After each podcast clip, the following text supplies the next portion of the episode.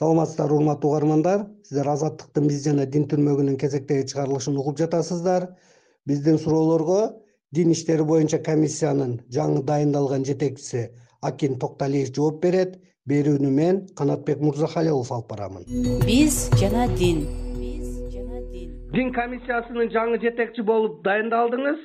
Сиз буга чейин бул мекеменин жетекчиси алмашыш керек деген позицияда болдуңуз беле негизи дин комиссиянын жаңы жаңы жетекчиси болуп келгенден кийин эч качан эч жака айткан эмесмин. Бул жаңы жетекчини алмаштыргыла же менин ордуна койгула деп.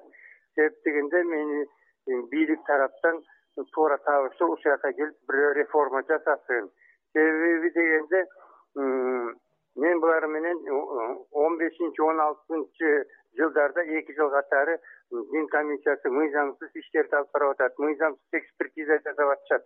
Мыйзамсыз бирөөдө элдер түшүнүк менен орусча айтканда по понятиям соттолуп кетип атышат деп ошентип чыгып э, сотторго каршы сотторго сотторго берип жүргөн болгон киши болчумун мына маалымат каражаттарында мекеменин коллективи сизге каршы экендигин расмий билдиришти эми алар менен кантип иштешем деп ойлойсуз коллектив менен? Э, коллектив менен э, буларды коллективди адаштырып коюшту силерди келсе баягы эки жыл мурун силер менен соттошкон дейт.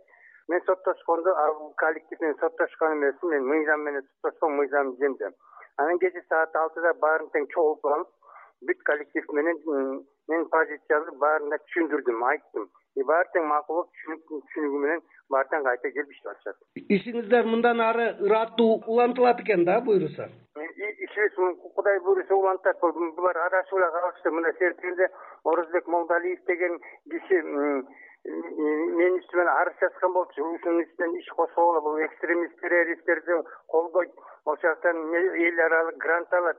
Мунун үстүнөн иш козулуп камап койбосо бул тескери иш жүргүзүп атат деп менин үстүмөн арыз жазган анан мен ошол молдалиевди айткам бул ушундай ушак таратып жалган маалымат тараткан үчүн мунун иш козголуна барат деп ошентип биз молдалиев экөөбүз гана соттошкон болчубуз бир алты жети ай. Болгону ошол эле. Ошону эске тутуп алып алып эле молдалиев менен соттошту эле анан мыйзамды туура эмес экспертиза жасап деле эми бизге дагы асылат экен деп ойлоп атат. Анан жанагы ошол соттошкондун натыйжасында соттук эксперт эме дин комиссиядан ажыртып чыганга ошо жетишкен мамлекеттик деңгээлде. Кыргызстанда мамлекет менен диндин ортосундагы мамилени жакшыртууга диний саясатты көзөмөл кылуу жаатында сиз өзүңүздүн жөндөмдү кандай баалайсыз? Сизге башка диний бирикмелерден эксперттик чөйрөдөн жардамдар керекпи? Мага бүт чөйрөдөн жардам керек. Мен бүт динди бүт баарын сыйлаймын. Мыйзам чегинде алып барамын мамлекеттин кандай мыйзамдары жазылса ошол мыйзамдын гана чеги менен иш жүргүзөбүз. Эч ким тигиндей мындай э, өзү менен же бирдемке чыгарып же бөлөктүн бирөөнү бир концепцияны бир улуттун немесин кемситпей баары тең бир теңдикте кармайбыз дин комиссиясы токсон алтынчы жылдан бери түзүлсө токсон алтынчы жыл түзүлсө ушул убакыттын ичинде бул мамлекеттин дин саясатынын калыптанышына канчалык салым кошуп жатат деп ойлойсуз бул дин комиссия менен тиги дин чөйрөсү менен бул экөө өкмөт менен тиги дин чөйрөсүнүн ортосунда көпүрөөк болуш керек. Биз так али көпүрө болуп келишкен мындан ары биз көпүрө боло беребиз. Жакшыртууга аракет жасайбыз. Колдон келишинче бүт баары себеби дегенде мен бул дин чөйрө менен көп жылдан бери иштеп жүрөм. Бул боюнча мен көп китептерди жазганмын ошонун тажрыйбасын жана ошону колдоном мен. Ошо конкреттүү кандай тажрыйбаларды колдоном деп ойлойсуз конкреттүү тажрыйба мындай дин чөйрөдө мындай ар кандай жаамат жааматтар менен биздин менен мусулмандын арасында бөлүнүп бөлүнүп кеткен ошолордун баары тең аалымдар менен баарын чогултуп ошолор менен чогулуп бир бир багытта иш алып барганды жүргүзгөнгө аракет кылабыз. Эми өлкөдө отуздан ашык расмий катталган диний уюмдар бар өзүңүз билесиз мына. Христианчылыктын эле протестант бөлүгүнүн он алты багыты бар. Алар менен кандай иштешем деп ойлойсуз алар менен бүт баары бизде динде кандай катталса кандай мыйзам чегине туура туш келсе ошолор менен бүт баары менен иштешебиз. Буга чейин ошол башка диний уюмдар менен иштешүүдө дин комиссиясы кандай кемчиликтерди кетирди деп ойлойсуз? Бир гана мен билгендим чоң кемчилик келтиргени булар мыйзамсыз экспертиза түзүп алышып булар түшкөн эмес президенттин жобосу менен мыйзамсыз жобо чыккан ал мыйзамсыз жободу жазган булар э, дин комиссия экспертиза жүргүзө алат деп. Анан ошонун негизинде экспертизаларын жасап анан бир миң жети жүздөй киши мусулмандар мыйзамсыз соттолуп кеткен мына ошол жөнүндө э, ошол жөнүндө биз реабилитация кылганга аракет кылабыз. Мына ушул сөзүңүзгө улай эле да мына эки миң бешинчи эки миң онунчу жылдагы ушундай бийлик алмашуунун натыйжасында кыргызстан мусулмандарынын дин башкармачылыгында дагы абал туруктуу эмес бир кылка эмес туруктуу болбой баягы муфтийлердин алмашуусуна алып келди.